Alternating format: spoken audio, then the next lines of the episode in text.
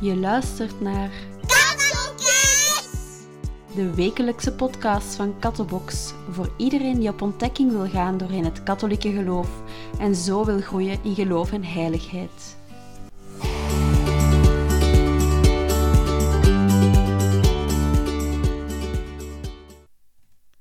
Dag lieve jongens en meisjes, hier Kim van Kattokids.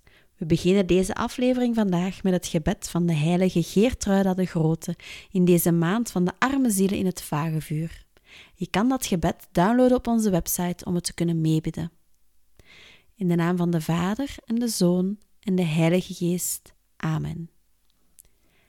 Eeuwige Vader, ik offer u het kostbaarste bloed van uw goddelijke Zoon Jezus, verenigd met alle opgedragen Eucharistievieringen in de wereld vandaag voor al de heilige zielen in het vagevuur, voor alle zondaars, de zondaars in uw universele kerk, de zondaars bij mij thuis en in mijn familie. Amen. Vandaag gaan we het hebben over de feestdag die Allerzielen wordt genoemd. We vieren deze op 2 november, de dag na Allerheiligen. Eigenlijk is het een driedaagse tijd van feesten. Op 31 oktober vieren we Halloween, maar dan de katholieke versie, Allerheiligenavond, waarin we al beginnen denken aan alle heiligen in de hemel. Op 1 november vieren we Allerheiligen, dan vieren we alle heiligen in de hemel en gaan we naar de mis. Op 2 november is het dan Allerzielen. Hier herdenken we alle zielen van de gestorven mensen. Laat mij het zo uitleggen. Stel je voor dat je een heleboel foto's hebt van mensen die je graag ziet, zoals je opa, je lieve hond, je favoriete leerkracht. Elke foto is als een speciale herinnering aan momenten die je met hen hebt gedeeld. Deze herinneringen zijn als schatten in je hart en ze maken deel uit van wie jij bent. Wel, Allerzielen is een beetje zo, maar dan voor de hele katholieke gemeenschap. Het is een dag waarop we al onze dierbaren herinneren die overleden zijn en die naar het hiernamaals zijn gegaan. We denken dan aan alle foto's van hun leven en hoe ze ons graag gezien hebben. Laat ik een verhaal vertellen over een jongen en laten we hem Lucas noemen. Om een beetje beter te begrijpen wat allerziede betekent. Lucas is een levendige, vrolijke jongen die graag voetbalt.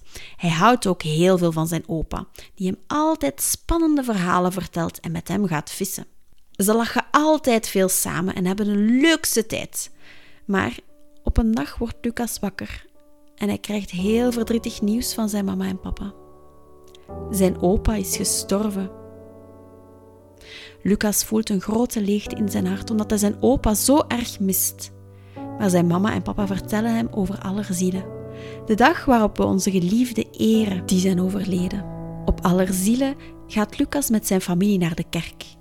Daar bidden ze samen voor zijn opa en ze steken een kaars aan om te laten zien dat zijn liefde nog steeds in hun harten brandt.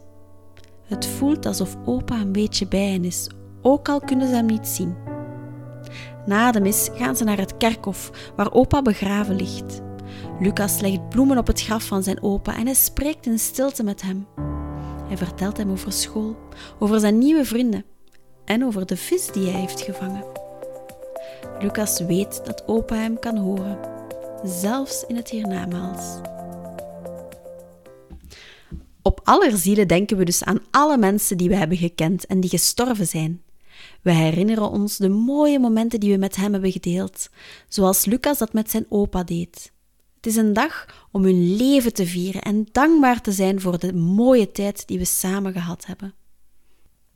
Nu, ik hoor je denken, maar waarom is het nu zo belangrijk om juist op allerzielen die overledenen nog eens extra te herdenken? Wel, de kerk heeft hier vier grote redenen voor. Ten eerste, Allerzielen viert onze verbondenheid met de overledenen. We herinneren ons eraan dat we allemaal deel uitmaken van de gemeenschap van heiligen. Die gemeenschap van heiligen zijn de zielen in de hemel, die we gisteren op Allerheiligen vierden, de zielen in het vagevuur, wij gelovigen op aarde en iedereen die gedoopt is. We zijn allemaal samen één grote gemeenschap en dat wil Allerzielen extra benadrukken. Ten tweede wil Allerzielen een moment zijn van troost voor iedereen die verdriet heeft en rouwt om een overleden geliefde. Allerzielen helpt ons ook om met verdriet om te gaan, Soms voelen we ons verdrietig als we iemand missen en dat is helemaal normaal.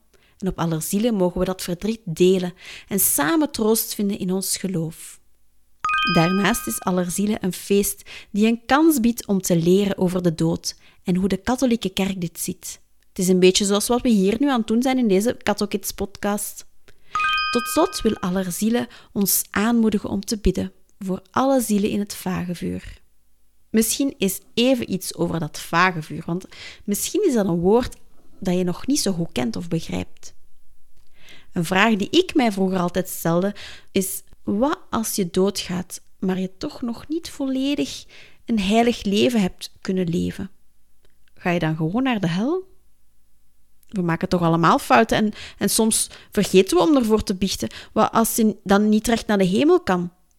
Wel, voor de kerk zijn er na de dood drie opties. Je kan recht naar de hemel gaan, dat zijn de heiligen. Recht naar de hel, dat zijn de mensen die niet in God geloven en een slecht leven geleid hebben. De derde optie is dat je naar het vagevuur kan gaan. Mensen die geen echt slecht leven geleid hebben, toch fouten gemaakt hebben, die aan de andere kant wel in Jezus geloofden en hun best deden om hun fouten goed te maken, gaan naar het vagevuur om hun ziel proper te laten worden, te laten zuiveren, om erna toch naar de hemel te kunnen gaan. Toen ik dat de eerste keer hoorde, had ik toch grote twijfels. Dus Jezus redde ons van het vuur van de hel, zodat we naar het vage vuur konden gaan. Ik snapte dat niet zo goed. En toen las ik wat C.S. Lewis erover zei. Die ken je misschien wel. Dat is een meneer die de boeken van Narnia geschreven heeft. Hij zei dat onze ziel het vagevuur vereist. En zijn verklaring is eigenlijk super logisch. Stel je voor, morgen ga je dood en dan sta je aan de poort van de hemel en God zegt tegen je: Jouw adem stinkt, jouw kleren zitten vol vuile vlekken, maar allee, je hebt toch veel goede dingen gedaan in je leven, kom maar binnen in de eeuwige vreugde van de hemel. Ik zou mij dan toch een beetje ongemakkelijk voelen en vragen of ik mij toch eerst even mag opfrissen voor ik in dat feest mag binnengaan. Wel, daarvoor dient het vagevuur juist. Daar wordt onze ziel proper gemaakt, zodat we daarna naar de eeuwige vreugde van de hemel kunnen gaan. Dat is waarom we moeten uitkijken naar de belofte van het vagevuur. Het is geen tijdelijke beleving van de hel, maar het is een trainingskamp voor het leven in de hemel. Wat nog belangrijk is om te weten, is dat mensen die in het vagevuur zitten niets meer kunnen doen voor zichzelf. Alleen onze gebeden en offers kunnen hen helpen om uiteindelijk toch sneller naar de hemel te kunnen gaan. Bidden voor overleden is zo een werk van barmhartigheid en daarin wil ik jullie deze week uitdagen. Bid het gebed dat ik aan het begin van deze aflevering heb gebeden voor alle mensen die je kent die overleden zijn en ook voor de mensen die je niet kent. Vraag misschien aan mama en papa om de kleurplaat die ik ervan maakte af te printen. Kleur die in en hang die ergens op. En elke keer dat je het gebed bidt, zullen er weer vele zielen in het vagevuur geholpen worden. Want Jezus heeft aan de heilige Geertruida de Grote gezegd dat bij het bidden van dit gebed telkens duizend zielen gered zullen worden. Dus reken maar eens uit hoeveel zielen je zal redden als je dit gebed een hele week elke dag bidt dan ben je een beetje een gebedskrijger, iemand die met gebed strijdt voor God. Veel succes met je gebedsgevecht deze week. Hier sluiten we af voor vandaag. Volgende week zijn we er weer. Blijf intussen zeker verder groeien in geloof en heiligheid, want op die manier kan Gods licht nog meer stralen in je hart, voor jezelf en voor alle mensen op jouw pad. Tot snel!